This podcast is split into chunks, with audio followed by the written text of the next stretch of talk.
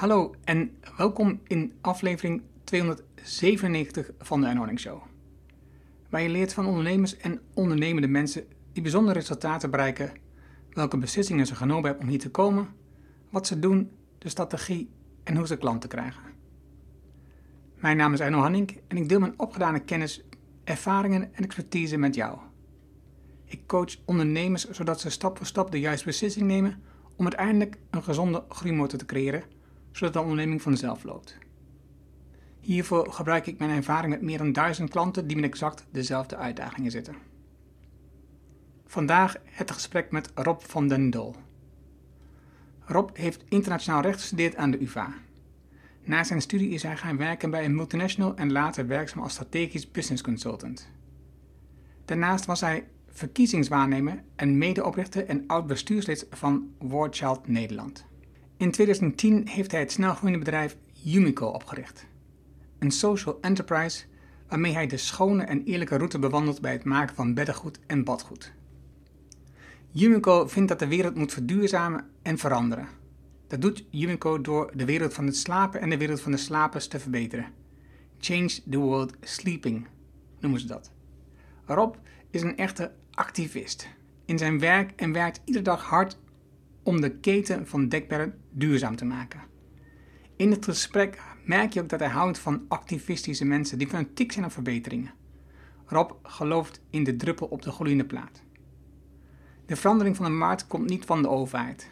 In een Anglo-Saxische wereld komt die ook niet van de bedrijven. In een Rijnlandse organisatie, in het MKB, bij de echte ondernemers en bij de consument, daar ligt de macht voor de verandering. De grote bedrijven en de overheid doen wat de klant vraagt. Als klant hebben we dus de verplichting om te vragen naar kwaliteit en duurzaamheid. Dan veranderen de bedrijven en de overheid vanzelf de producten en de regels. Ik heb genoten van het fanatisme van Rob om de wereld te verduurzamen als ondernemer, stap voor stap met aandacht voor de hele keten en winst. Want zonder winst kunnen we niet overleven. Hij schetst hierbij het beeld van een goede huisvader. Want thuis zorg je voor de kinderen, het huishouden en verantwoord eten bijvoorbeeld. Waarom zouden we dan een andere pet opzetten als ze op kantoor komen? Rob heeft ervaren dat duurzaam ondernemen winstgevend en leuker is. Maar wil je de koper overtuigen, dan is kwaliteit het belangrijkste. En duurzaamheid is een mooie bijkomstigheid voor de koper. Luister naar de inzichten van Rob. Laten we beginnen. Welkom in de Erno Hamming Show. De podcast waarin je leert over de beslissingen om te groeien als ondernemer met je bedrijf. Luister naar de persoonlijke verhalen van succesvolle ondernemers en ondernemende mensen. Dan nu jouw business coach Erno Hamming. Hallo, welkom in een nieuwe aflevering. En vandaag hebben we een gesprek met Rob.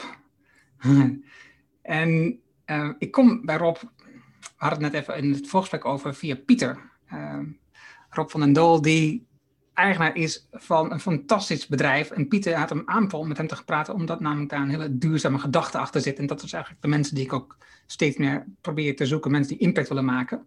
Dus welkom Rob in de podcast.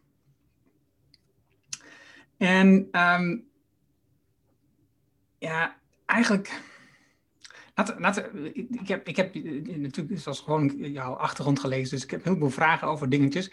Maar laten we beginnen met, met jouw bedrijf. Want eigenlijk als ik kijk naar jouw product, en met name de motivatie waarom je bent gestart met dit, met dit, met dit maken van dit product, dan is het eigenlijk, het is eigenlijk een misselijke markt. Ja. Ja. Dus dat, is, dat is de conclusie die ik kreeg na het lezen van al die de grote vraag is, zijn niet alle markten redelijk misselijk? En dat is waar wij mee begonnen, is dat je eigenlijk als je, als je de, voor mij is de grote vraag waarom ondernemers beslissingen nemen waar iets of iemand uiteindelijk onder leidt. En is dat allemaal winstbejag? En iedere keten waar je naar kijkt, zitten er ondernemers die daar gewoon met de pet naar gooien. En daar, blijf ik me over verbazen. Hoe kan je erbij staan en weten dat je een negatieve impact op de samenleving hebt? Of het nou mensen, dieren of milieu is. Je weet het en je gaat er toch mee door. En toen wij begonnen, toen dachten we, ja, het moet mogelijk zijn om dit op een verantwoorde, ethische manier te doen. Zonder dat we de, eigenlijk iedereen in de keten aan het onderdrukken zijn.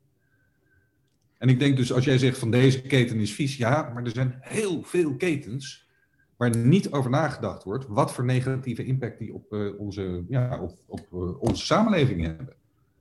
Ik, ik ben het en wel... dit is er eentje die best wel vies is hoor. Dat is ik, ben het wel, ik, ik, ben het wel met je eens, Rob. Ja. Dat is uh, precies mijn punt. Het, ik, de, wat mij op dit moment drijft, is dus ondernemers helpen die een positieve impact willen maken. En dat betekent ja. dat je dus, als je, als je dat doet, dat je dus tegen heel veel dingen aanloopt um, waar een negatieve impact uh, naar voren ja. komt. Ja. En dus, en, en dus als, je, als je je verdiept in dit soort onderwerpen, dan zie je steeds meer, ik kijk veel documentaires bijvoorbeeld over dit soort onderwerpen, dan zie je steeds meer welke, welk onrecht um, de maatschappij en de planeet wordt aangedaan en ja. andere mensen. Dus het is... Ja. En, en we vinden, nee, het, we vinden het doodgewoon. Ja, we vinden het doodgewoon. En als je daar eenmaal onderdeel van bent, dan vind je het nog normaler. Ik heb ooit in mijn eerste baan was in de farmaceutische industrie. En mijn grote verbazing was dat we in Nederland hele strenge milieunormen daarin hanteerden. He, zelfs het eerste milieujaarverslag naar buiten brachten. Maar dat we in, in landen als India of in Zuid-Amerika er met de pet naar gooiden. En omdat de regels daar niet zo streng waren, nou ja, dan doe, het enige wat je dan doet is, uh, zeg maar, je leeft de regels na. Maar je hebt zelf niet de principes om te zeggen, wij vinden dat we het op een bepaalde manier moeten doen. Ja, en ik zie dat heel veel sociaal ondernemers, die hebben geen regels om zich heen. Die stellen zelf regels vast. En die zijn best wel streng. Roomser dan de paus, zeg ik altijd. Want we zijn als sociaal ondernemers, proberen we het zo goed te doen, dat uh, ja, het zorgt ook voor onze eigen uh, knelpunten op de weg. Deze ja, en dat, dat, onszelf opleggen. Precies, en, dan, en dat vind ik een mooi punt. Uh, en ik ben benieuwd wat je daarvan vindt. We hebben nu gewoon even een lekker gesprek. Hè? Dus, dat is waar het met plezier om gaat. Als je bijvoorbeeld kijkt naar wat um, uh, Patagonia doet. Ja. Patagonia die hebben duurzame producten die ze maken. En um, maar in het proces waren ze, van, waren ze van bewust dat er elementen in zaten die nog niet goed genoeg waren. Ja. En, en, en ik, ik, ik, zag een presentatie van jou waar ook naar, naar voren kwam. Hè. Dus eerst begon je met dons, toen uh, katoen. En toen zat je over het karton nog van een verpakkingsmateriaal. Ging ja. hè. Dus dat was een volgende stap. Waarschijnlijk ondertussen heb je daar ook weer wat mee gedaan. Maar dat, ik denk, daar draait het om. Hè. Het draait om de bewustzijn van jezelf. Dat je weet, oké, okay, dit is het. En deze schakel pak ik nu aan. En over die andere schakels ben ik transparant dat dat nog niet zo ver is. Maar ik, ik ga een bepaald moment mee aan de slag. Ja, nee, absoluut. Ik maar denk al... dat dat uh, altijd streven naar beter. Wij zeggen intern altijd, we staan op 90 procent. En dat was tien jaar geleden was dat 90 procent. Want eh, on, gaandeweg ontdek je ook allemaal nieuwe dingen. Maar we zeggen nu nog steeds, ja weet je, onze katoenketen die is best wel, hè, vergeleken met anderen, is dat best wel goed. Maar kan het beter? Absoluut. Wat kan nog beter dan? Nou ja, natuurlijk gewoon een van de dingen. We hebben het de hele tijd over dat we boeren eerlijk moeten betalen. Dat gebeurt, hè? De, de, koffiebranche heeft het daarover. De chocoladebusiness heeft het. We moeten een eerlijk loon voor die bonen betalen. Nou, in ons geval gaat het over katoen. De grote vraag is, krijgt die boer een livable wage? Kan hij leven van zijn inkomen? Het antwoord is nee. En dat hebben we hier in Nederland ook. Want de boer heeft het verdomde moeilijk om zijn mond boven water te houden. En dan heb je het al over grootboeren. En in India en in uh, Côte d'Ivoire of een andere uh, land, productieland, daar, daar, is dit, daar hebben ze een hele kleine stukjes land. En een livable wage is er nog steeds niet. Dus ik vind nog steeds dat wij eigenlijk moeten kijken naar wat heeft zo iemand nodig. Wij, wij, werken met een boerencoöperatie in India. Er zitten inmiddels bijna uh, 20.000 katoenboeren of boerenfamilies die in nou, een aantal grote provincies uh, daar zitten. En wij weten dat wij eigenlijk al voor biologisch katoen betalen we al 30% meer aan hun. Voor het fairtrade stukje betalen we nog eens 20% bovenop. Dus we betalen eigenlijk al 50% meer dan wat de reguliere katoenprijs is. Maar is dat voldoende? Want zo'n boertje die heeft maar één cash crop, noemen ze dat. Dus een, een, een oogst waar ze geld mee verdienen. En die kunnen ze maar één of twee keer per jaar kunnen ze die oogst doen. En dat is katoen. Dus katoen is het enige waar ze geld mee verdienen. Nou, daar betalen wij dan al nu 50% voor. Maar heeft die boer dan een leefbaar inkomen? Het antwoord is nee. Dan zouden we eigenlijk drie keer zoveel voor het katoen moeten gaan betalen, want dan kan hij er genoeg aan verdienen. Maar dit, dat is een beetje inherent aan het boeren. Want boeren per definitie verdient niet genoeg voor, voor wat hij eigenlijk allemaal moet doen. Dus als ik daar naar kijk, dan denk ik, ja, daar kunnen we echt wel verbeteringen in zetten. Ik vind ook, we zijn nu bezig met iets heel nieuws en dat heet Farmers in Transition. Ja. Het duurt ongeveer drie, vier jaar voordat je uh, een keurmerk krijgt. En we werken voornamelijk met keurmerken. Maar er zijn heel veel boeren die heel graag willen. Die willen ook om. Maar dan moeten ze vier jaar lang, mogen ze, uh, moeten ze hun land mogen ze niet verbouwen. De farmers in transition. Alleen, die zijn wel op de goede weg. Het katoen ervan, wat daarvan komt, is biologisch verbouwd. Alleen, ze zijn in transitie naar dat echte stuk. En dan zeggen wij, ja, we willen eigenlijk deze boeren belonen voor dit goede gedrag. Want dit zijn de boeren die echt willen. Nou, waarom gaan we dan niet producten maken van katoen van farmers in transition? Want daarmee stimuleren we dat die, die boer die omgaat meteen een hoger inkomen kan verdienen. Ja. Nou, dat zijn wel grote stappen daarin. Dat we zeggen, nee, het moet altijd een keurmerk hebben. Nee, nu zeggen we eigenlijk, we vinden die keurmerken belangrijk. Maar die weg daar naartoe, om meer boeren biologisch te laten boeren of fair trade te laten boeren, dat moeten we gaan stimuleren. Dat betekent dat farmers in transitions moeten we ook gaan adopteren. En dat zijn allemaal verbeteringen. Dan gaat het over, hè, ik, zie, ik zie ze overal hoor, de verbeterpunten. Nee, maar ik, herinner me ook een documentaire over um, biologisch boeren in, in, in Duitsland. Ja. Uh, volgens mij was het van Arte of Duitse Welle. En, daar gelden eigenlijk vergelijkbare regels uh, voor, begreep ik daar. Dus een boer, voor mij was het drie uit mijn hoofd. Ja. Uh, als je naar biologisch boering moet volgens mij moet je drie jaar lang moet je die transitie maken. En dus dan verbouw je het op een manier dat het dus biologisch is. Ja. Maar je mag het niet verkopen als een biologisch product. Klopt, klopt. Dus je, je hebt extra kosten. Maar nog geen opbrengsten. Juist. En dat is geen incentive. Dat is niet de stimulans om dat te gaan doen. Nee, je moet drie jaar lijden voordat je er bent. Hè? Ze mogen drie jaar lang, mag er geen kunstmest op die bodem gespoeid zijn bijvoorbeeld, of gebruikt zijn. Ja, dat begrijp ik wel. Tegelijkertijd moeten wij als bedrijfsleven, moeten we die boeren gaan stimuleren om daar onderdeel van te worden. Met de belofte, uiteindelijk ga je meer geld verdienen. Uiteindelijk, als je erbij hoort, maar je moet wel dat stukje, dus dat vind ik eh, bijvoorbeeld een van de grote stappen. Maar ik vind ook, hè, met, dat, met, dat, uh, met de dons, daar proberen we ook altijd nieuwe stappen te zetten. Kunnen we dat nog beter doen? Uh, nou, wat we een, een, bijvoorbeeld een mooi voorbeeld vind ik. Uh, wij werden wij, wij doen dat in Nederland. We hebben 60 boerderijen of 90 boerderijen in België of in Nederland en Duitsland.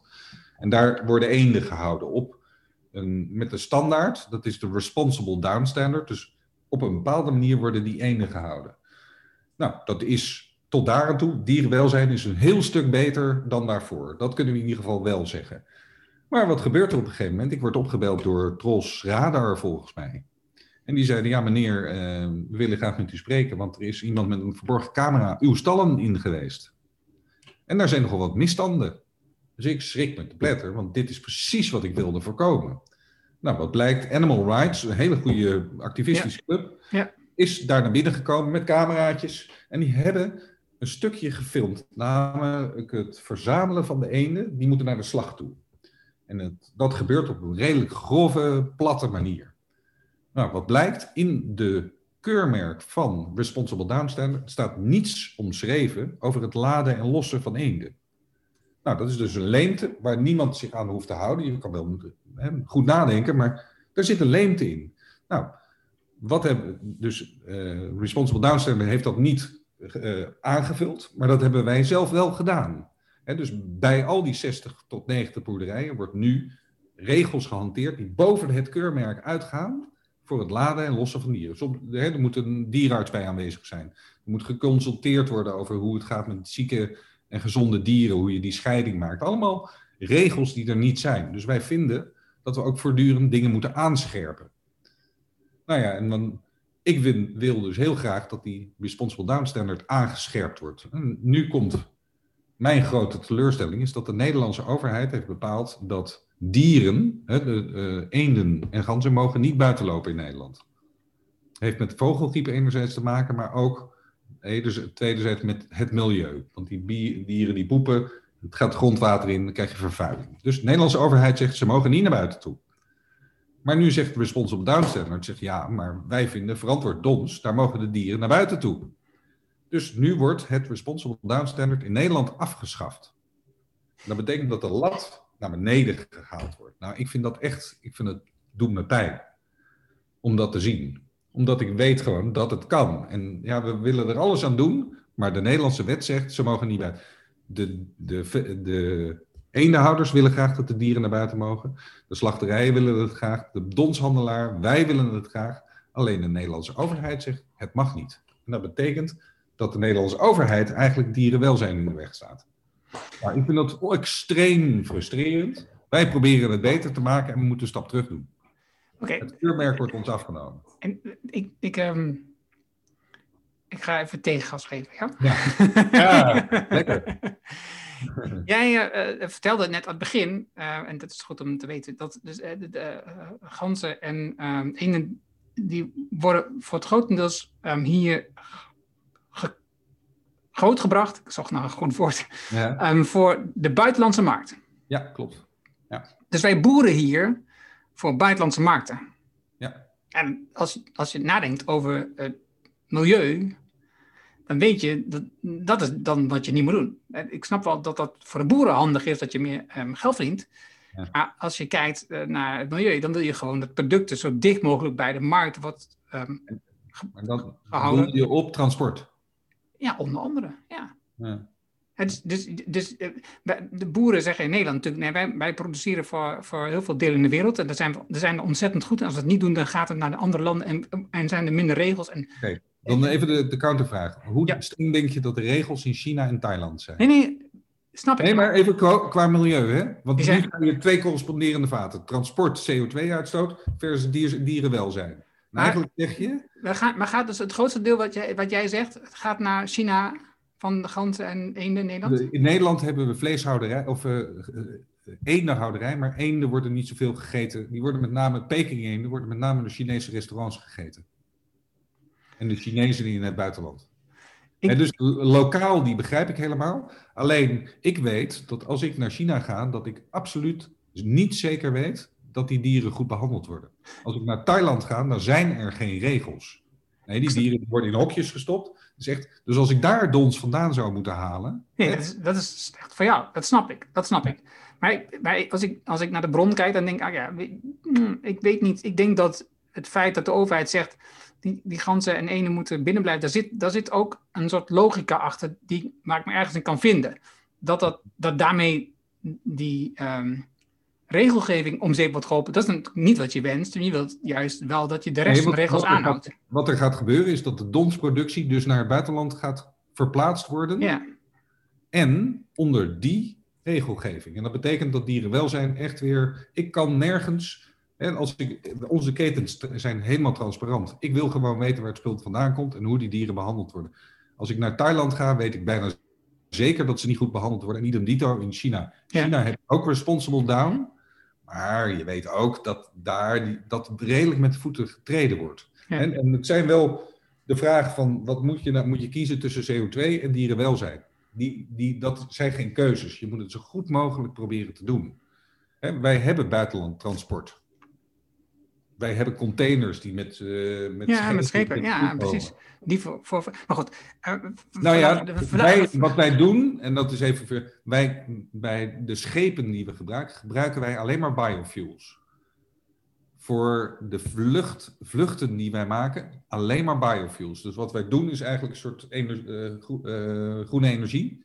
Alleen wij kopen biofuels, die stoppen we in een grote pot. En dat betekent dat er aantal schepen op onze brandstof varen, maar wij compenseren het dus met biobrandstof. Ja, ja. En dat, is, eh, ja, het zijn, de- dat zijn de afwegingen die we moeten maken. Want ik begrijp het wel hoor, lokaal is goed. Hè, voor ons is het lo dons is lokaal geworden. Alleen het vlees is niet meer lokaal. Ja, maar ik, ik, ik, snap, ik snap het verschil Ja. tussen de dons Ja. en, en het vlees. Hè, dus dat Ja. snap ik heel goed. Eh, als ik naar jouw geschiedenis kijk, je, je, je werkverleden kijk, dan, dan, dan- dan heb ik ook ergens eh, zo'n zo'n gevoel van eh, ehm, activistisch. Ja. Wat je zelf al zei. Dus we zijn we- eh, eh, vooraf in het gesprekje, we, activistisch zijn we dit bedrijf gestart. En we zijn nog steeds activistisch. Maar, en, en tegelijkertijd ehm, zie je ook gewoon marketing, weet je wel? Gewoon Ja. traditioneel. Ja. En, en dat zie je ook, te- dat zie je ook in je opleiding. Dat klopt, ja. je bent opgeleid in het recht, ja. Mensenrechten, oorlogsrecht. Ja. oorlogsrecht. Dus, oké, oké, oké. Dus, dus daar, waar kwam jouw drang vandaan om, om oorlogsrecht te gaan studeren? Oh, dat, is het moment dat mijn leven veranderd heeft. Ik ben ehm, eh, in mijn studententijd, en ik was een beetje gesjeesde rechtenstudent, die liever in de, in, midden in de nacht in de kroeg stond te werken dan eh, studeren. Dus ik ben op een eh, maandagavond eh, 9 november 1989 met drie vrienden in een auto gestapt, een beetje aangeschoten. En wij zijn naar Berlijn gereden, waar de muur viel. En ehm, ik kwam daar in Berlijn aan. En ja, ja, goed, het was meer lollig, grappig. En eh, bij de Berlijnse muur, we staan bij Checkpoint Charlie, en er zijn slabs, die zijn net omgevallen. En ik sta, we staan daar voor de lol, we staan stukjes uit de muur te hakken. Zo van, ja, we moeten souvenirs meenemen voor thuis. En op dat moment zie ik, nou ja, vijf meter naast me, zie ik een oude man, die steekt zijn gezicht voorbij de blok van de muur. Hij komt dus uit Oost-Berlijn vandaan. Hij steekt zo zijn hoofd voorbij de muur. En ik, hij gaat weer terug. Ik zeg, joh, je eens kijken, daar komt een oude man. Volgens mij gaat hij voor het eerst door de muur heen. En ik zie hem, eh, terwijl de tranen over zijn wangen gutsen, zie ik hem zo, één zo'n, met een grote stap voorbij die muur stappen. En dat was voor hem zo'n ongelooflijk groot moment. Wat er daar gebeurde was maakbaarheid van de samenleving. Het was de grote groepen van de bevolking die zeiden: het kan niet langer zo door. Wij gaan protesteren. En dat hield aan. En dat was een brede volksbeweging die daadwerkelijk een samenleving kon veranderen. Dat heeft me ontzettend geïnspireerd.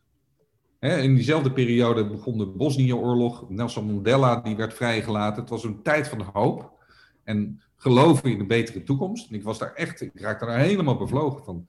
En ik kwam terug en eigenlijk ben ik meteen internationaal recht gaan studeren. Want ik dacht, hier zit voor mij iets wat, wat zoveel hoop op een betere toekomst geeft. Namelijk dat er regels zijn waar we volgens leven, die een betere toekomst voor ons allemaal garan- garanderen. Dus dat geloof in die maakbaarheid van die samenleving, dat is daar bij mij ontstaan. Ik merkte alleen wel al heel snel dat zeg maar, de, het, het apparaat wat daar omheen hangt, het internationaal rechtsapparaat, de Nederlandse politiek, de internationale politiek, dat is geen recht. Dat is ehm, het recht van de sterkste. Hm. Ze zeggen ook altijd internationale betrekkingen is het recht van de macht. En wat is internationaal recht als het de hele tijd met voeten betreden? We zien bommen, we zien gifgasaanvallen in Syrië. We zagen de Bosnië-oorlog, waar we gewoon bij stonden, wisten wat de regels waren en alles wordt met voeten getreden.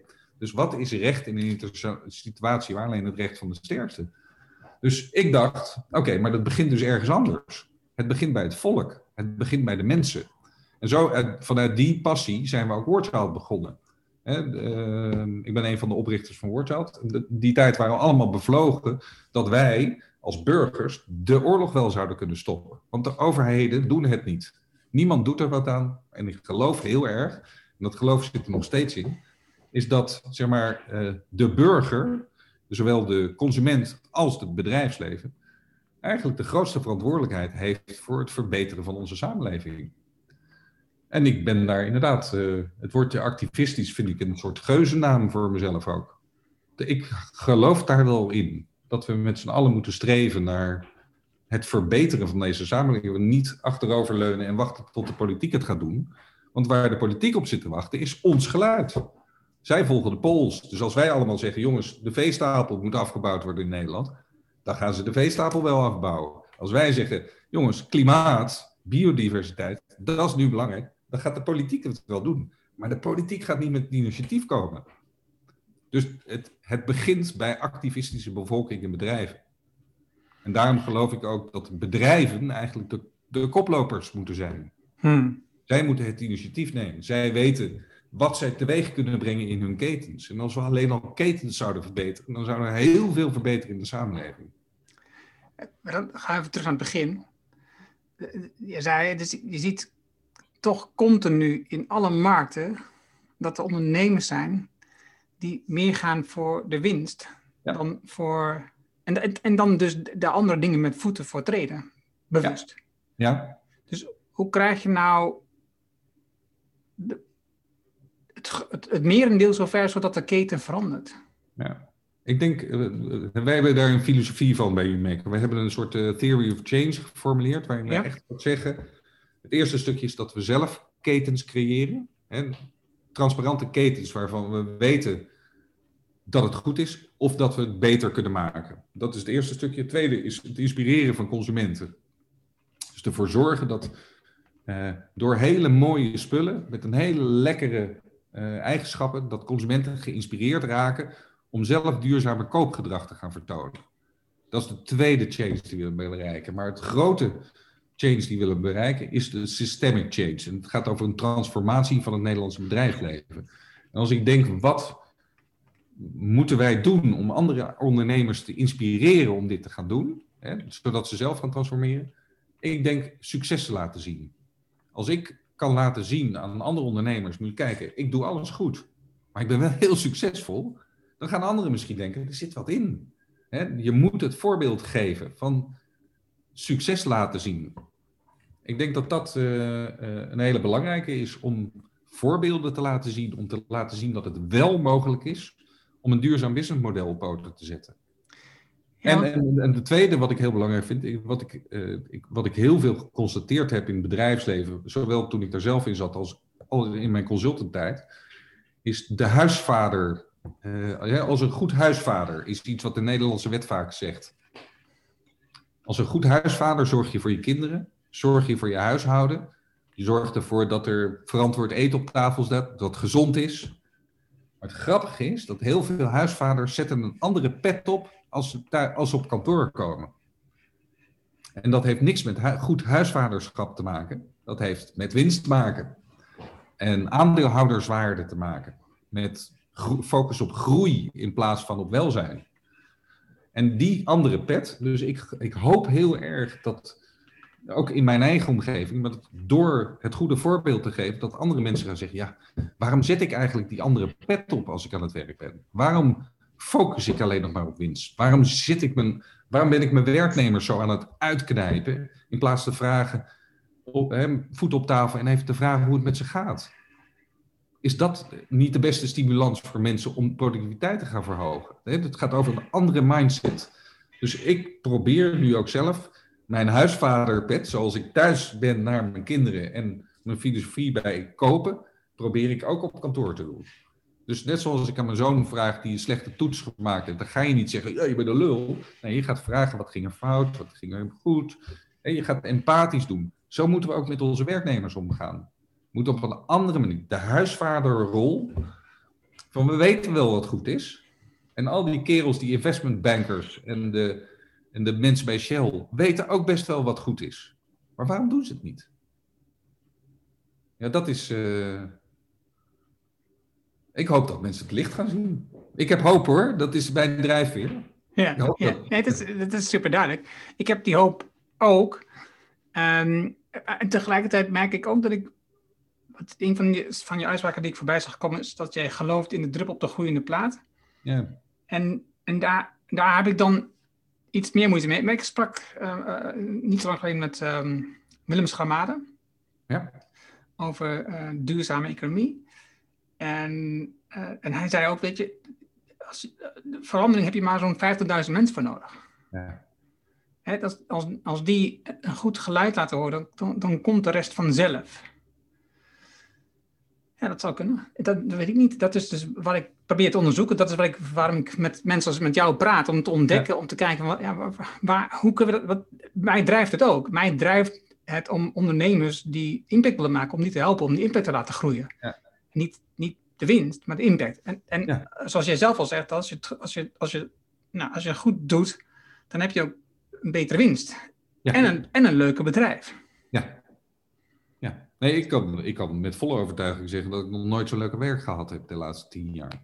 En het is ploeterig geweest, het is zwaar geweest. En tegelijkertijd gewoon het, het idee dat door mijn klein tentje hier, uh, nou 25 man nu, maar door wat wij doen, dat we bijna, wat is het, bijna duizend boerenfamilies in India. We hebben het over alleen maar de boeren en nog niet over de arbeiders, maar duizend boerenfamilies. Dus dat zijn ongeveer 30 dorpen. 30 dorpen voorzien wij van een volledige jaarinkomen. Dan denk je, ja, hoe mooi is dit? Hoeveel, ja, hoeveel blijdschap in je werk kan je hebben over wat je doet?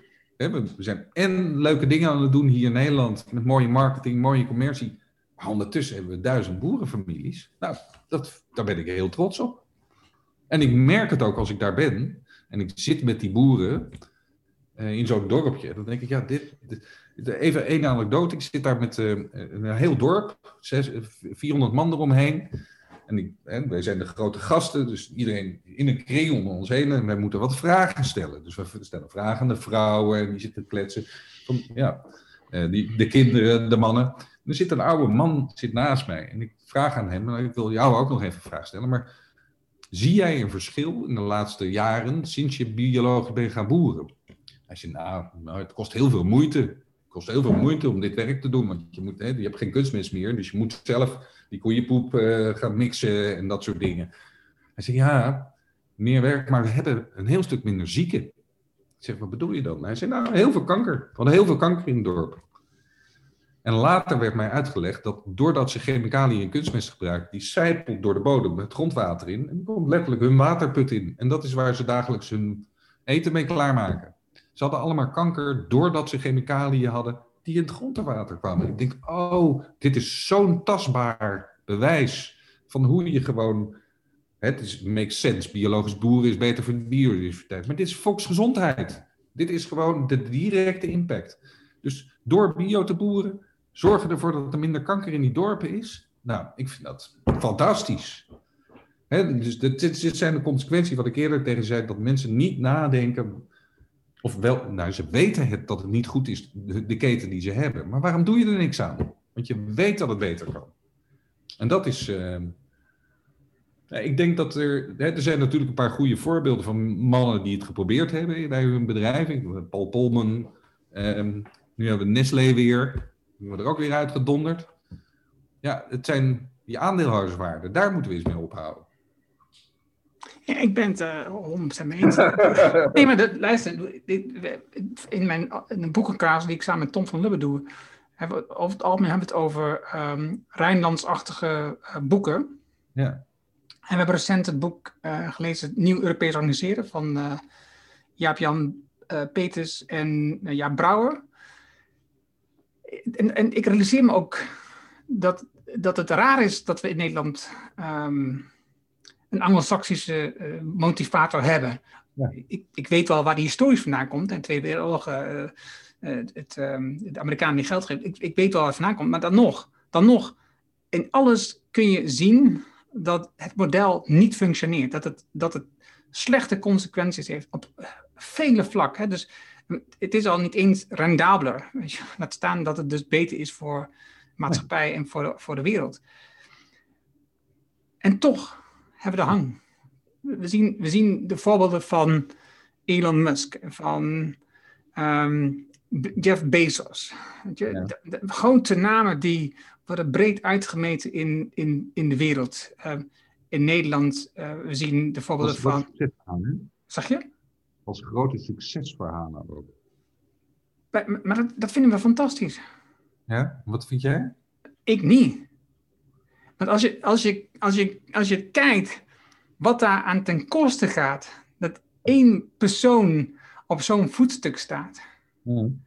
Weet je, um, als je, als je ik, denk dat, ik denk dat het Europees organiseren, de, de geschiedenis die we hebben, is veel meer een gedragen beeld van het hele bedrijf dan alleen die ondernemer die het doet. Dat is toch onzin? Die ondernemer doet het niet in zijn eentje. Dus dat, dat, slaat nergens op. Dat is een, dat is een verkeerd beeld. Weet ja. je, hij huurt, of zij huurt vakmensen in, leidt ze op, betrekt zijn bedrijf, biedt zijn werkplek. Dat is allemaal waar. Maar die mensen geven ook hun leven. Ja, maar, hè, dus ik, ik, ik, ben het met je eens. Ik, ik vind zelf Elon en, uh, en Jeff gevaarlijke oligarchen. We hebben het altijd over de Russische oligarchen, maar deze mannen zijn echt een beetje raar.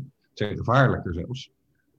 iemand die met zijn geld het klimaatprobleem ook kan lossen, biodiversiteitsprobleem oplost en ervoor kiest om een, naar Mars te gaan. Ja, ja, ik vind het een bizar idee. Het leuk hoor, inspirerend. Maar we zien het in het algemeen, dat die persoonsverheerlijking, kijk naar de verkiezingen gisteren, het gaat over personen, niet over programma's. Ik, ik, ja, ik kan daar niet bij. Het gaat niet over personen, het gaat over ideologie, het gaat over geloven.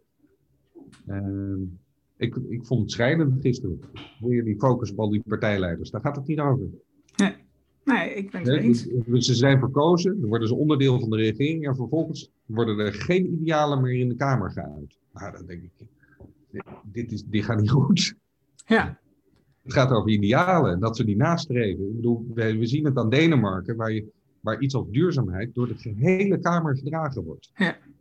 Duitsland ook, die gewoon in tien jaar tijd, wat is het nu, 60% duurzame energie, afschaffen van de kernenergie. En ik zit nu zo van, ja, Nederland, hoe gaan we het probleem oplossen? Dan maar kernenergie. Maar Duitsland, daar zijn ze het met z'n allen over eens. Alle politieke partijen. En wat zijn we hier in Nederland een klein stukje grond nou aan het doen? Ja ik verbaas me. Ja. Ja, nee, ik, ik, dus ik snap het heel goed wat je beschrijft. En, en dus die aandeelshangwaarde, het, het is eigenaardig dat we hebben toegestaan dat dat in Nederland is binnengedrongen. En dat het ook zo diep geworteld is, blijkbaar, in onze samenleving. Dus, want het komt, in, het komt op school, begint het gewoon al. In de opleiding komt het al naar voren. En ik heb zelf een MBA gedaan, eh, een bepaald moment naast mijn, naast mijn werk op dat moment het, is allemaal, het is allemaal Amerikaans. Het zijn allemaal, en alle boeken die we krijgen, alle mensen, nee, niet allemaal, maar gewoon 80% van de mensenboeken die we hier te zien krijgen, die, die een succes zijn, zijn allemaal Amerikaanse boeken, wat door de bank genomen um, labmiddelen zijn voor het slecht functionerende anglo-saxisch systeem. Terwijl als je gewoon naar het Europees systeem gaat, dan was het niet eens een probleem in de kern. Nee? Dus ja, ik, ik, ik vind dat dus eigenaardig en, nou ja, ik vind, ik vind het ook gevaarlijk. Ik, vind ook, ik ben een groot Europees voorstander. Maar Europese Unie, en dat weet ik uit mijn studie nog, is gewoon de hele basisprincipe gaat over groei. Het gaat niet over welzijn, het gaat over groei van de economie. Dat is misschien een verkeerd invalshoek. Ja. Want een, een, beheer van de, of hoe noem je het, behoud van het, de agrarische sector. Met 70, 60, 70 procent van de begroting die naar de boeren toe gaat Moeten we daar niet iets anders over na gaan denken? Misschien moet het niet over groei gaan. En gaat het meer over, als we naar de toekomst kijken, over 20, 25 jaar, dat 20% van de 25% van de beroepen niet meer bestaan. En we waarschijnlijk een grote werkloze deel van de bevolking hebben. Dat kunnen we niet meer financieren met de huidige middelen of de huidige manier van werken. Dus we moeten echt, wat jij net zegt over dat Anglo-Saxische model, die gaat niet werken in deze omstandigheden. Dus systeemverandering, ja, dat wordt wel heel belangrijk. En dan kijk ik gisteren naar de verkiezingen en denk ik, ja, het zijn allemaal winnaars die niet over systeemverandering rappen. Ja. Teleurstellend. Als, als ik even terugga naar je studie. Uh, mooi hoe je daar, zeg maar, ja, de, de stad was van, van, van jouw eigen visie, richting en energie, zoals ik het uh, vertaal. En dan, dan ga je, ik wil zeggen maar dat weet ik niet zeker, dan ga je naar, uh, naar Bosnië om daar dus um, de eerste verkiezingen te begeleiden of te controleren, ik weet niet zeker. Ja. Wat, wat kom je daar tegen? Wat ontdek je daar? Nou, ik kende, ik kende Bosnië al wel natuurlijk via de Warschau-tijd. Uh, ik was daarvoor niet uh, bij betrokken en ik werkte op die. ik was verkiezingswaarnemer voor de OVSD, voor die eerste verkiezing inderdaad in Bosnië. Maar ik reisde al best veel in Oost-Europa voor, de, uh, voor het grote bedrijf waar ik toen voor werkte, de multinational. Um, ja, wat ik daar zag is een, een, hele rare, gespleten samenleving. Ik deed verkiezingswaarneming in Sarajevo. En ehm, ik, was, ik, zat in de auto met een, uh, de oude vrouw van de Italiaanse president. En ik moest haar rondrijden. Maar wij werden naar Republika Srpska gestuurd. En dat ligt nou, op 20 minuutjes rijden vanuit centrum Sarajevo. Ga je de bergen in. En daar kom je bij een soort, uh, ja, dan zit je in het wintersportgebied, zeg maar. Maar dat is Republika Srpska. En wij komen bij verkiezingskantoor. Uh, er staan een paar honderd mensen staan daar buiten. En ik kom daar in een nieuwe huurauto aanrijden. En je ziet al boze blikken. En je ziet al de boosheid van mensen. En het werd best wel een bedreigende situatie, want wij komen controleren, maar we waren Westerlingen en die waren helemaal niet geliefd in Republika Srpska op het moment. En dat het zelfs zo was dat ik redelijk hard achteruit moest rijden met de auto om daar veilig nog weg te komen. En dan zit je dus midden in, dus Sarajevo op dat moment werd er nog geschoten in de bergen. En in Mostar werd nog wel eens een granaatje afgeschoten. Dus het was toch wel een, een roerige situatie. En tegelijkertijd um, mensen blijven mensen. En dat vond ik een van de allermooiste ontdekkingen van in die tijd. Mensen wilden, dus wij gingen redelijk, hè, ik denk, ik ga naar Bosnië, het is oorlog, dus ik trek mijn boots aan, stevige spijkerbroek, stevige jas. En je komt daar en mensen gaan uit eten. de bommen, er worden wel geschoten, maar mensen trekken hun mooiste kleren aan, maken zich op. Ze zorgen ervoor dat ze mens blijven. En dat vond ik, dan zit ik in mijn kooltrui, want het zal koud worden. Nee, er zit een meneer met een tropdas tegenover me. Want die wil zijn menselijke waardigheid behouden. En dat is eigenlijk wat we gezien hebben in al die Borchardt reizen, is hoe ellendig die gebieden ook zijn waar we terechtkomen. Mensen proberen hun waardigheid te behouden. En dat is zo mooi daaraan. dus het, het mens zijn, de openheid. Ik zat in een vluchtelingenkamp in Noord-Oeganda. Dat is een tijd van Joseph Kony, toen daar allemaal toestanden zich afspeelden. En ik loop door een vluchtelingenkamp heen. En uh, daar staan al die hutjes, die staan dicht bij elkaar. Zo hoort het niet in Afrika. Die hutten hebben minstens 10 meter afstand van elkaar. Maar die vluchtelingenkamp hartstikke dicht op elkaar. Dus ik loop daar zo doorheen. En ik kijk een van die hutjes naar binnen toe. En daar zit dan een Soedanese vrouw. En zij wenkt mij. En zei, kom maar, kom maar, in dat kleine hutje. Daar zit zij met haar drie kinderen. En ik ga in dat kleine hutje zitten. En onder de bed vandaan haalt zij een doosje met dadels. Half leeg en vies. En, niet, en die worden als het grootste, het laatste wat ze heeft. En zij biedt dat mij aan in dat hutje. En ik denk, je hebt helemaal niks meer. Ik ben een westerling met een grote auto. En jij geeft mij uit die gastvrijheid, uit je menselijkheid, geef je mij een van de laatste dingen die je hebt. Nou, zoiets moois. En eigenlijk komen we dat overal tegen waar mensen onder druk staan. In, in de meest erbarmelijke omstandigheden. Ja, iedereen is voor zichzelf aan het vechten. Maar er is ook een menselijke solidariteit. En dat is echt iets wat, uh, als je de mens terugbrengt naar zijn basis, dan zit hij er weer in. dus ik heb ook geloof in de goedheid van de mens, omdat ik dat gezien heb. De mensen onder de zwaarste druk. Zoons, kinderen verloren, man verloren en dan toch nog die waardigheid behouden. De menselijkheid. He, weer die huisvaderrol. Je bent vooral een mens. Je bent niet een kapitalist per, per definitie. Dus ik, uh, ja, dat was eigenlijk wat ik ook meemaakte dus in, in, in, in zo'n verkiezingsland uh, in Bosnië toen. Ja. Verbazingen over hoe menselijk mensen er zijn. Ja. En ook over de haat hoor, want dat, dat zit er ook weer in. Maar ik probeer dan toch het positieve eruit te halen als ik daar ben. Mm -hmm je, hebt eh, zes jaar lang bij, uh, zeg 16 jaar lang bij um, betrokken. Ja. ja. En, um, en je zegt oprichten, maar is dat dan Woordchat Nederland of is dat Woordchat Nee, Woordchat Nederland. Ja, oké. Ja. Nee, er bestond al een Woordchat Engeland. Kijk, Woordchat Nederland was al binnen vier, vijf jaar groter dan Engeland. Oké. Maar zij waren wel de beginners. En zij waren met bakkerijen bezig en met prost, uh, prosthetics, uh, protheses. Voor, dus zij hadden een andere invalshoek. En een van de dingen die ze ook deden waren creatieve workshops. Met kinderen die getraumatiseerd waren. Hè. Het was allemaal wel op kinderen gefocust, maar daar, mijn vrouw die was daar ooit bij en die heeft dat gezien. Die is teruggekomen en die zei, joh, voor dit project, en daar kwam de Nederlandse focus van uh, op creativiteit en uh, social, so, so, uh, kom even die het psychosociale hulp.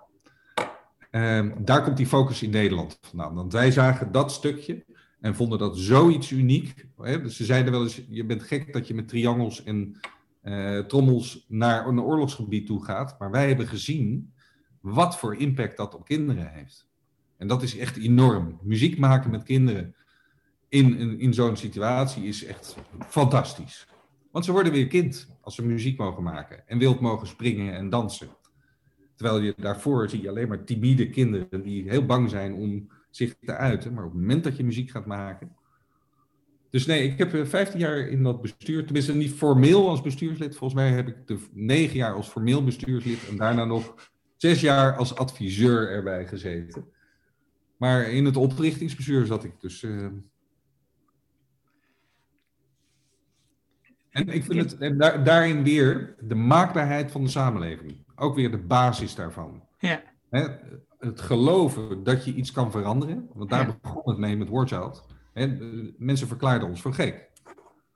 Wat doe je dan met triangels in het oorlog, oorlog, oorlogsgebied? Nou, wij geloofden erin dat we dat konden doen. Dat we de wereld een stukje beter. En die druppel op de gloeiende plaat. Er leven volgens mij iets van 150 miljoen kinderen in oorlog. In oorlog en wij behandelen een paar honderdduizend van. Maar als die kinderen hè, dat opgroeien tot echte burgers zoals dat hoort, hè, die weldenkend, niet meer angstig, dan heb je misschien al vrede op een heel klein stukje gebracht. En zo zie ik dat ook met ons Umeco-ding. Wij kunnen niet de wereld. Hè? Op dit moment is slechts 1% van al het katoen is biologisch. 1%. En het is nog erger. Fairtrade katoen is 0,01%. Dus wij, wij, hebben hele ambitieuze plannen. Is namelijk, wij vinden dat 1% biologisch katoen naar 2% biologisch katoen moet. En dan hebben we het dus echt over 2%. Het is niks. Maar de impact is enorm. Ik okay. weet nog, ik was in India twee, anderhalf jaar geleden. Ja. En die, de busje stopt langs de weg en die zegt, nou, dit is een katoenveld. Maar dit is niet biokatoen. Dan pak ik het op en dat zand dat glipt door mijn vingers heen. Dat zakt er doorheen. En ik, rijden een uurtje verder. En ik kom op die bio, uh, bioplantage. En dan is het zo'n klont vies met beestjes erin en takjes. En vlinders overal. En insecten die om je heen vliegen. Maar dat is de natuur.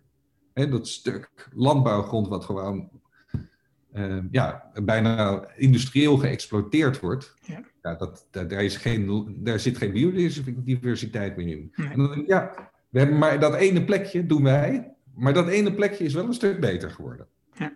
En dan hoop ik dat we het zoveel groter kunnen maken dat, dat ja, ook andere bedrijven dit gaan doen. Dat biokatoen de standaard gaat worden.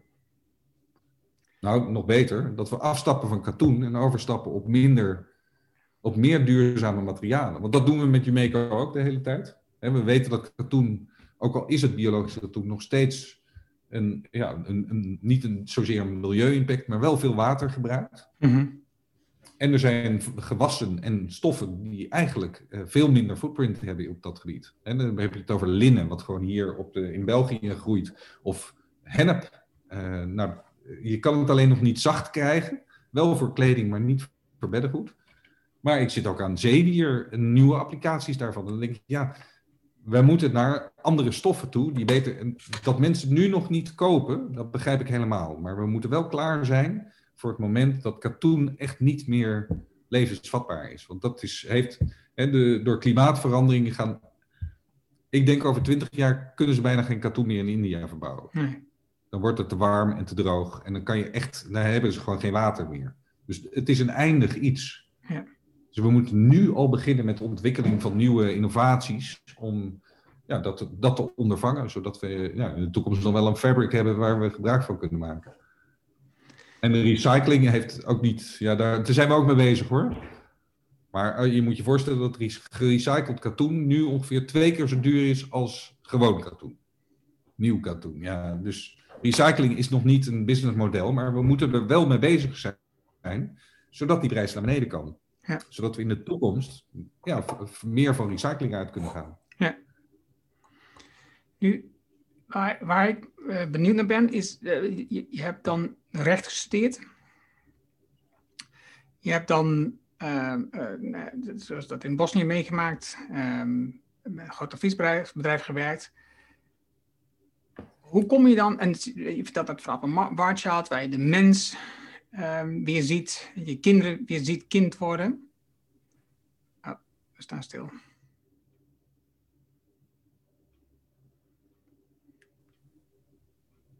Ja, nu zijn we er weer.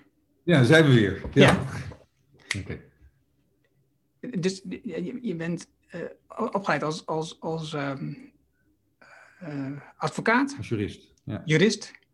En je, je, bent in, in oorlogsgebied geweest, je bent betrokken geweest bij verkiezingen, je bent als woordschap bezig met de mens, met de mens terugkrijgen. En hoe kom je dan uiteindelijk bij eenden en ganzendoms uit? Die vraag hoor. Ik heb nog een tussenliggende periode. Kijk, ik, ik hou van. Uh, ik vind het, ja, het is verbazingwekkend. Hoe ben ik hier in godsnaam terechtgekomen? Zoals mijn zoon op een moment zei. Mijn vader heeft een dekbeddenwinkel. Als hij vroeg op school vertellen wat je. Mijn vader heeft een dekbeddenwinkel. Ik zeg, maar waarom vertel je niet dat ik met duurzaamheid bezig ben? En met het. Dat is. Hoe kom je hier? Nou, ik denk dat ik uh, door dit traject. Um, ik heb, zeg maar, ik heb een, tijdje voor bazen gewerkt. Dus een tijd als uh, in de, ja, de multinational, Axel Nobel, management consultancy, strategisch advies geven aan het grote bedrijfsleven. En vervolgens ben ik een reclamebureau begonnen. En dat had ermee te maken dat ik ongelooflijk veel passie voor. Ik ben al sinds 93, 94 met internet bezig. Al voordat het World Wide Web er was. En, en, daar lag een enorm deel van mijn passie. Dus ik dacht, ja, ik wil gewoon met internet bezig zijn. Want dat is echt waar ik helemaal blij van word. En uh, dus ik heb in 2001 een eigen bedrijf opgezet. En in 2007 ben ik daar, 2006 ben ik daar weer uitgestapt. Um, ik vind het, het, het marketing-stukje vind ik heel leuk. Het communicatiestukje vind ik super leuk. Ik vind het business-stukje ook heel interessant. En, maar ik heb ze op een gegeven moment nooit echt gecombineerd. Dus ik zat, toen ik uit mijn reclamebureau toen stapte, toen, uh, toen ben ik bedrijven advies gaan geven op sociaal ondernemen. Eigenlijk meer op wat toen heette maatschappelijk verantwoord ondernemen. CSO, Corporate Social Responsibility. En ik ging hun adviseren. Waaronder energiebedrijven, verzekeringsbedrijven, banken, de grote corporates.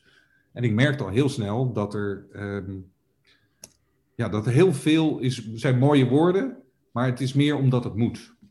Want ja, het staat in het plan. We moeten meer op duurzaamheid. Dus laten we een project opstarten voor duurzaamheid. En dan hebben we dat ook weer geparkeerd.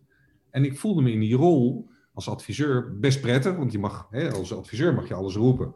Maar ik merkte al heel snel dat de bedrijven die ik adviseerde niet alles doorvoerden. Nee, tegendeel, 50, 60 procent van de advies werd maar doorgevoerd. Ja, dat is half werk. En dan bleef het een beetje erbij doen.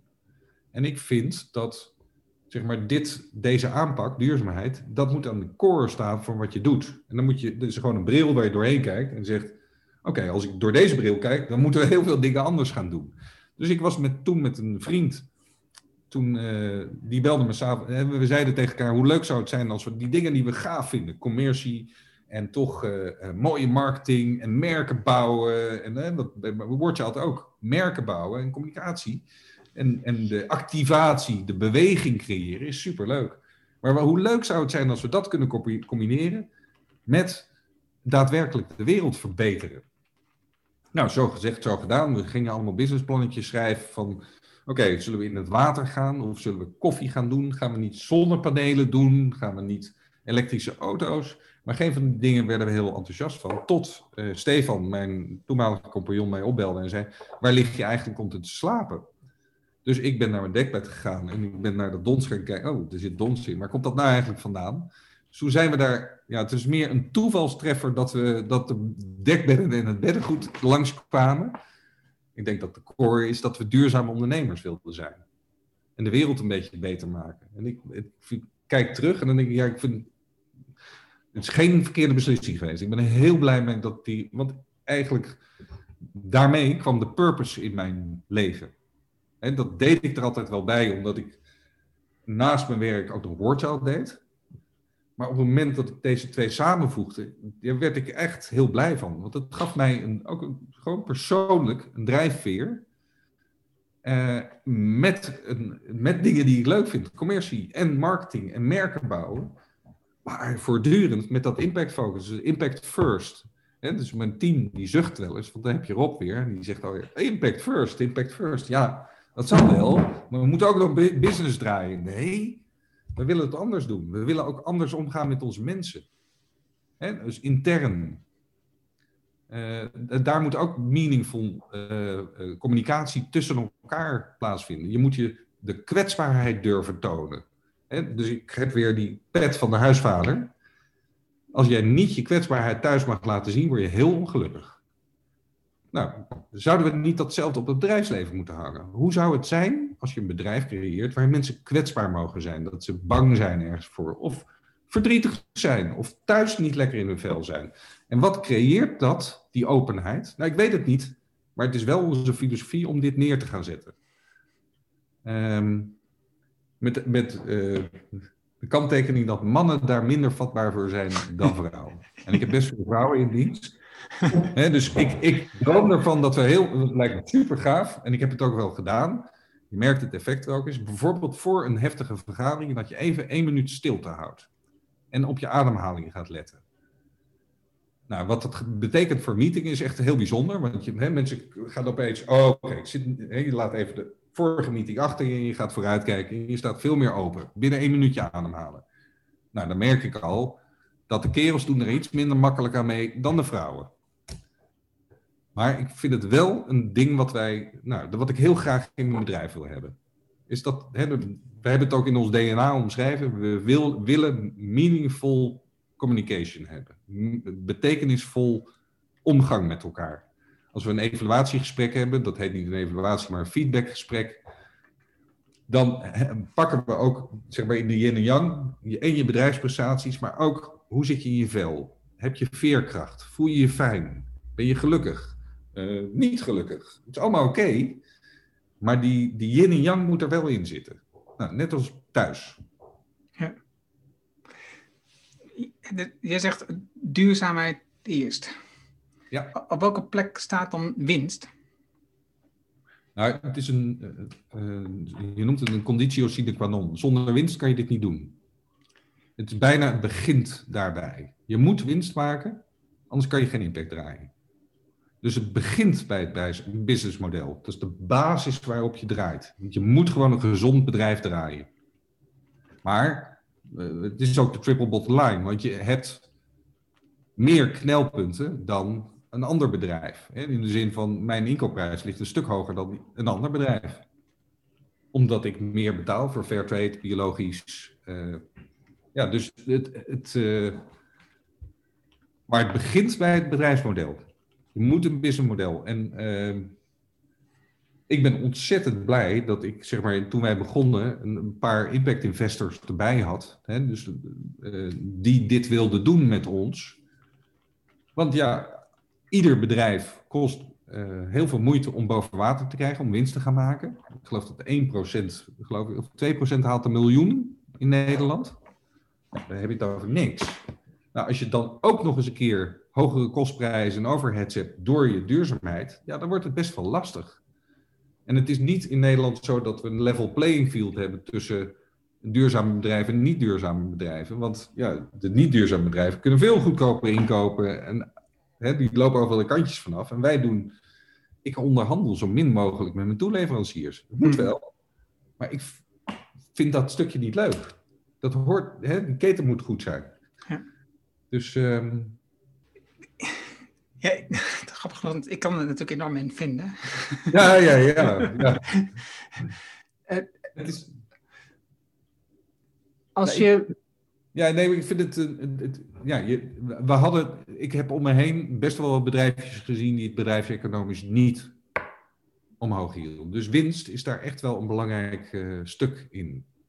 Want als je kijkt naar die investeerders die je in het begin hebt gehad... Ja. Um, het lukt niet zonder die investering om je bedrijf te starten, in jouw geval, in jullie geval? Nee, dat lukt niet. Nee, wij, wij, zijn, wij zijn een online model. Betekent dat we grote voorraden moeten hebben. En die grote voorraden moeten eerst gefinancierd worden. En niet alleen dat, wij betalen ook redelijk wat vooruit, omdat dat fair trade is.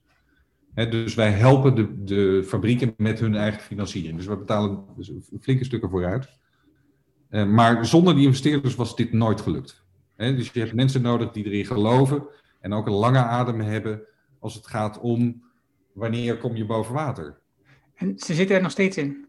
Nee, inmiddels uh, uh, heb, hebben we dat wel een beetje uh, opgeschoond en veranderd. En mensen die er het liefst in de start-up fase hebben, want we zijn wel in een andere fase terechtgekomen. Op een gegeven moment passeerde 2, 3 miljoen. En dan is ook de financieringsbehoefte echt wel pittig.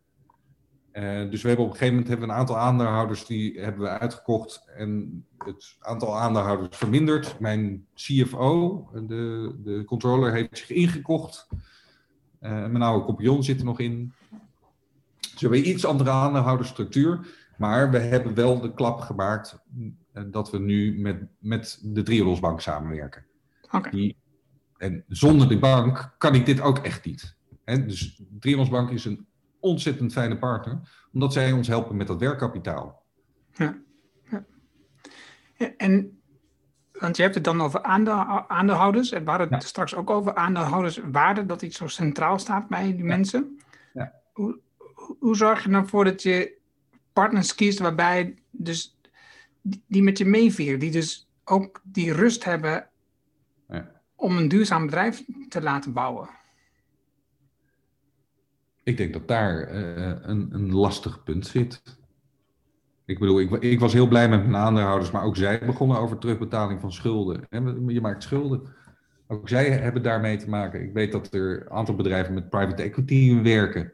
Ja, die willen ook binnen eh, eh, vijf, zes jaar gewoon e-, eigenlijk een exit maken en een exit-strategie. Dus je zit altijd dat geld nog steeds um, een ontzettend belangrijke factor speelt. Ook bij de investeerders, want die willen hun geld niet kwijt. Het is niet zo dat ze mega winst hoeven te maken, maar ze zouden het er niet in stoppen als er niet een beetje winst in zat.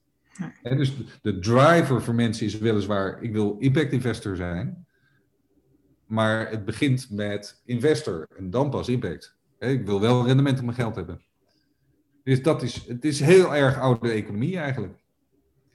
Maar het is, ik las laatst een artikel van iemand die zei: uh, private equity en investors are is, is a necessary evil. Het is noodzakelijk kwaad. Ken je geen bewijs dat dat niet waar is? Nee, nee. Hm. Nee, want het, het, uiteindelijk, het zijn, het zijn gesprekken die over geld gaan. Het ja. gaat weliswaar ook over impact, maar ja, die nemen ze, oké, dat is mooi. Die impact erbij, maar we moeten wel even goede afspraken over geld maken. Is dat hetzelfde met de consument? Met de consument gaat het uiteindelijk ook over een goed product, zacht dekbed, wat warm is, wat goed wasbaar is. En, en impact komt dan op de tweede plek? Ja, ja. zeker. Nee, het is zelfs zo dat um, uh, ik denk dat een goed product, daar begint alles mee. Ik ga geen uh, vieze drop kopen omdat die biologisch is. En ik ga geen vies bellen, uh, vervelend beddengoed kopen omdat het biologisch is. Ja. Maar als het voor mij, hè, als jij ons beddengoed, hè, daarin hebben wij een hele duidelijke keuze. We gaan voor het aller, allerlekkerste wat we kunnen maken. De allerhoogste kwaliteit. Dus dat daar, daar mag niet aan getornd worden. Je moet de, ik heb geen merk wat ik mee kan vergelijken, maar je moet, Patagonia. Zij doen geen concessies aan de kwaliteit. Wij gaan, dit is de kwaliteit en wij doen alles aan om dat zo goed mogelijk te doen, maar van de kwaliteit kan je uitgaan. En, ik denk dat er het merendeel van de mensen koopt Patagonia omdat het mooi is, omdat het lekker warm is, omdat het goede kwaliteit is. Oh, en dat is ook heel fijn dat ze op de duurzaamheid. Maar het wordt weer bijna een, um, een, gewoon standaard vereiste. Dus dat we daarop gaan letten. Ik vind dat ieder bedrijf een duurzaamheidsbijdrage zou moeten hebben. Dat we er allemaal op zouden moeten letten. En ik weet ook dat toen, wij, toen ik begon met Google Ads online te zetten, dan maakte ik twee advertenties. De ene was uh, uh, Fairtrade, biologisch, heerlijk beddengoed. En de andere was luxe beddengoed, zo zacht heb je nog nooit geslapen. Nou, dat Fairtrade biologisch, dat deed het 50% van het, de andere boodschap. Dus mensen stappen in op die belofte van heerlijke spullen. En dat Fairtrade is wel heel leuk, maar het is niet de reden om iets te gaan kopen. En dus ik vind ook, je moet, je moet gewoon topkwaliteit producten leveren. Dat is je, dat is je opdracht. alleen daarmee kan je, kan je je onderscheiden. En dat doen we ook. Echt, um, ik, ik, heb, uh, ik zat met iemand van een e-commerce bedrijf en die zei: Hoeveel retouren heb je nou eigenlijk? Ik zei: Nou, volgens mij tussen, een beetje afhankelijk van de productcategorie, 3 tot 5 procent of zo. 3 tot 5 procent? Echt waar? Nee, in de kleding is dat 60%. Of 50% in de kleding, 60% in de schoenen. Ja, dat hebben wij niet. Mensen zijn blij als ze het krijgen. Het zijn cadeautjes, indulgement, genieten. Ja, dus ik word ook heel blij. Ik heb een paar van die dingen waar ik heel blij van. Als iemand die tegen me zegt: Ik heb je spullen ontvangen, ik heb zo lekker geslapen. Dan denk ik: Ah, dit is, dit is wat ik wil horen. Niemand gaat zeggen: Oh, ik heb zoveel boeren geholpen in, uh, in India. Nee, ze zeggen: Ik heb super lekker geslapen. Oh, wat een lekker spul. Ik kon me niet, zelf niet inhouden. Ik heb toch nog maar een bestelling geplaatst. En dat zijn de dingen waarvan ik denk: Ja, daar begint het. Super fijne spullen. Je hebt nog nooit zo lekker geslapen. Dat is echt, dat, dat moet het, uh, het verkoopverhaal ook zijn. Ja, ja, ja. ja. Uh, een vraag die ook nog wel interessant is voor mij. Um, ik heb het daar met Pieter wel eens over. Um, het meetbaar maken van impact. Ja. Ik denk, Patagonia bijvoorbeeld, die doet het, die doet het ook enorm. Hè? Die, die maken meetbaar, maar die maakt het ook zichtbaar. Ze hebben een rapportage, het staat op de website, het laten ja. zien wat de impact is van wat ze doen. Doe je daar iets in? Ja, zeker. En hoe doe je dat dan? Nou, sinds 2012 uh, maken wij een impact report. Dus een jaarlijks impact rapport. Uh, waarin wij onze belangrijkste key performance indicators meten. En we hebben het nu zelfs zover door. Dus wij meten van alles. Hè? Dus het aantal kilo's katoen, het aantal kilo's dons, het aantal arbeiders wat we doen. Maar we hebben nu verder doorgevoerd, want we hebben lifecycle analysis van sommige producten laten doen op onze website kan je nu bij sommige producten, nou, meeste producten inmiddels, en dat wordt helemaal doorgevoerd, kan je onderaan, hè, alle beddengoed staat er, dan staat er onder de impact van dit product is. Dan zie je wat het betekent op het gebied van waterbesparing, CO2 en bespraying van landbouwgrond met pesticiden en chemicaliën. Dus wij, wij, dit is wat wij de hele tijd meten. Ieder jaar. En ieder jaar brengen we dit rapport uit. Dus wij doen dit ook. En het is voor ons ook een vinger aan de pols. Uh, ook, jij vroeg net van waarom kopen mensen duurzaamheid of, uh, of omdat het lekker is. Ook dit impact report wordt niet ontzettend veel gelezen. Maar het is voor ons is het ontzettend belangrijk om dit jaarlijks te maken. En om onszelf scherp te houden van doen we dit nog goed? Zijn we vorig jaar beter geworden? Of, niet, of minder goed? Dus uh, hè, als het gaat over transparantie, dus ieder jaar komt die transparantie van de keten. Weten we werkelijk waar het alles vandaan komt? Weten we de boerderijen waar het, oh, nog niet, 90% dus. Hè, want je kan altijd verder daarin. En het voortdurend toetsen. Dus nee, wij, wij doen dit ook. Ja, dus, ik, ik vind het mooie aanvulling wat je zegt. Er wordt maar weinig gedownload. Ja. Van, van mezelf een goed. Het is, het is meer een rapport voor jezelf dan dat het voor de gebruiker, de consument is. Ja. Transparantie is ook met name voor jezelf. Hmm. Dus een consument, als ik tegen een consument zeg, wij weten waar onze spullen vandaan komen. Sorry, nee, wij weten niet. Wij weten voor 90% waar al, al onze spullen. Dan zal de consument daar tevreden over zijn. Er is bijna niemand die in het impact report daadwerkelijk gaat kijken waar het dan vandaan komt. Dat vermelden we wel. We noemen onze coöperatie, we noemen onze partners waar we mee samenwerken. Wij vinden die transparantie belangrijk. Maar ik denk dat het met name voor ons belangrijk is. Hmm. Zijn we scherp genoeg? Kom, oh, maar als het daar vandaan komt, welke ververij is er dan? Dat weten we gelukkig wel hoor. Maar dat we moeten weten welke, welke verfstoffen gebruikt zijn. In welke ververij. En hoeveel mensen daaraan gewerkt hebben. Ja. Dus, um, Rob, ik vond het super om met je te praten, om van je te leren, om te We hebben best wel wat dingen gecoverd hier, hè? Nee, ja. Dat is wat ik aan het begin zei. De podcast neem ik vooral van mezelf op om te leren en te ontdekken. En, en, het, en is een, een fantastische reis die je dan meemaakt langs ondernemers. En hoort hoe ze met dingen omgaan. En ook waar ze mee worstelen, waar ze tegenaan lopen. En, en ik kijk dan, wat kan ik hiervan leren? Wat kan ik hier meenemen voor mezelf? Hoe, zou ik mijn eigen bedrijf anders in kunnen richten? Hoe zou ik ja. um, mijn klanten die ik coach uh, daarbij kunnen helpen om voorbeelden zoals die van jou aan te reiken? Nou, kijk, zij doen het zo en dat heeft dat tot een effect gehad. Ik, ik zie de waarde hier echt van in. Dus, ja. dus, en, dus ik hou ook van gewoon dit soort gesprekken in plaats van gewoon aan jou te vragen, hoe zit het eigenlijk met je Meco? Je, ja. Ja, dat, ja, Dan krijg je dus... ik, vond het fijn dat je even advocaat van de duivel daarin was. Dat zit mij ook weer aan het denken. nee, dat stukje over dat, dat dons en de lokaal versus... eh, Ja. ja, dat... Hij- dat- Eh, eh, Het grappige is, ehm, op Twitter ben ik een bepaald moment mensen gaan volgen die ehm, veganistisch zijn. Ja. Ik ben zelf niet veganistisch, maar ik probeer wel steeds meer plant- plantaardig te eten. En, en één, één jongen, ehm, eh, die, is, die is echt heel fanatiek. Mr. Vegan heet hij. En die, dus als er iets van boeren zijn, eh, eh, name Instagram, en dat deelt hij dan weer op Twitter, wa- waardoor ik het van Instagram volg. op Twitter zie ik dan. Mensen zijn gewoon echt super agressief tegen hem. Weet je? Ja. Boeren vinden gewoon dat ze ehm, de, de dieren een goed leven bieden. Ja. Hij, zegt, hij zegt dan, ja, fantastisch een goed leven. Uiteindelijk voer je ze gewoon naar, de, de, ehm, naar hun dood, hè? Naar, naar, Ja. hun, naar hun moordenaars. Hè? Hij, hij gebruikt ook het woord slachterij niet. Hè? En allemaal dit soort hè, Ja. moordenaars die, die, die- Hoezo een goed leven? Uiteindelijk vermoord je de dieren. Dus waar, waar, hoezo dan? En, en soms denk ik, oh ja, soms ga je dan misschien iets te ver. Maar het zorgt wel voor bewustwording bij mezelf. Ja. Weet je, dat je denkt van, oh wacht even, nou, hij heeft wel een punt. Het is die boeren die zijn ervan overtuigd dat ze, die, dat ze hun koeien, kalveren, ehm, varkens een goed leven bieden. Maar eh, als je oprecht bent, denk je, wacht even, eh, die koeien krijgen alleen een kalf voor, dat wij melk kunnen drinken. Onze dieren zijn al dood, hè? Ja, eh, we, eten eieren. Weet je hoeveel, Ja. hoeveel eh, mannelijke kuikentjes vernietigd worden? Dat is verschrikkelijk. Ja, ja. Dus, dus en daar, en dat vind ik dus mooi om dus dat soort mensen te volgen, om dus mezelf Ja.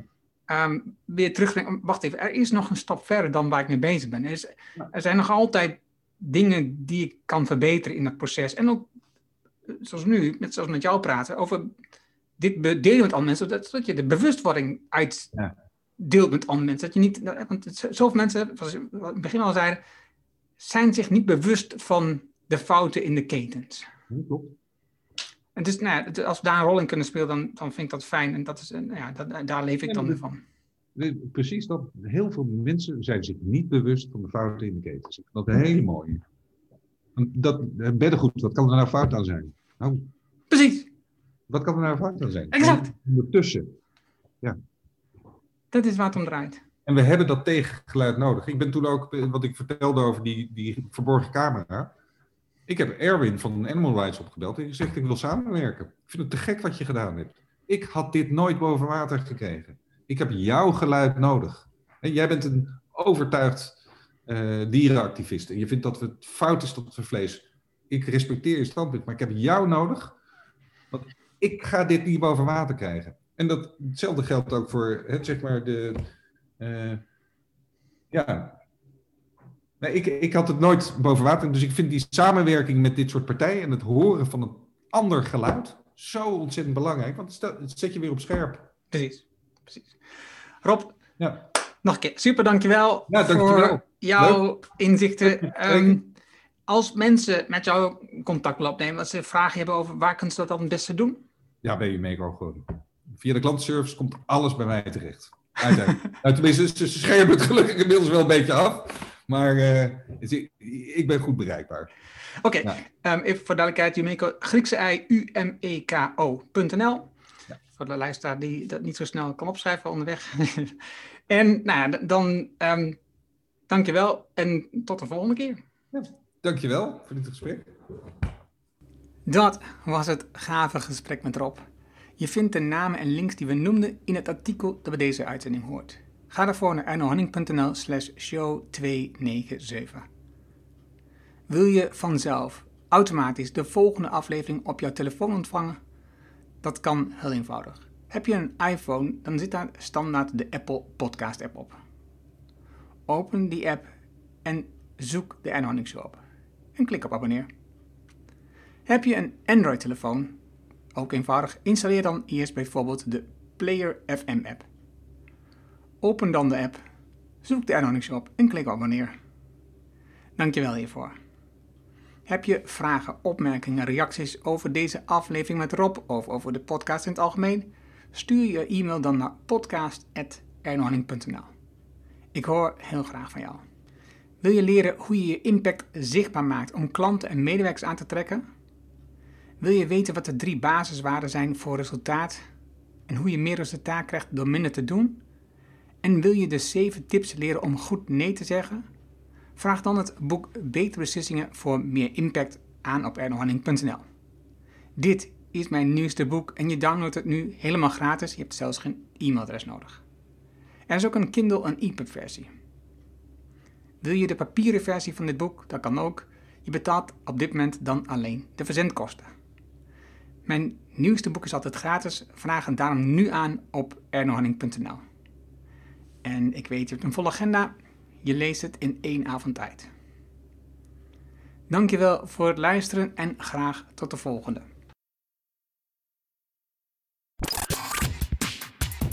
Dankjewel voor het luisteren naar de Erno Hanning Show op ernohanning.nl.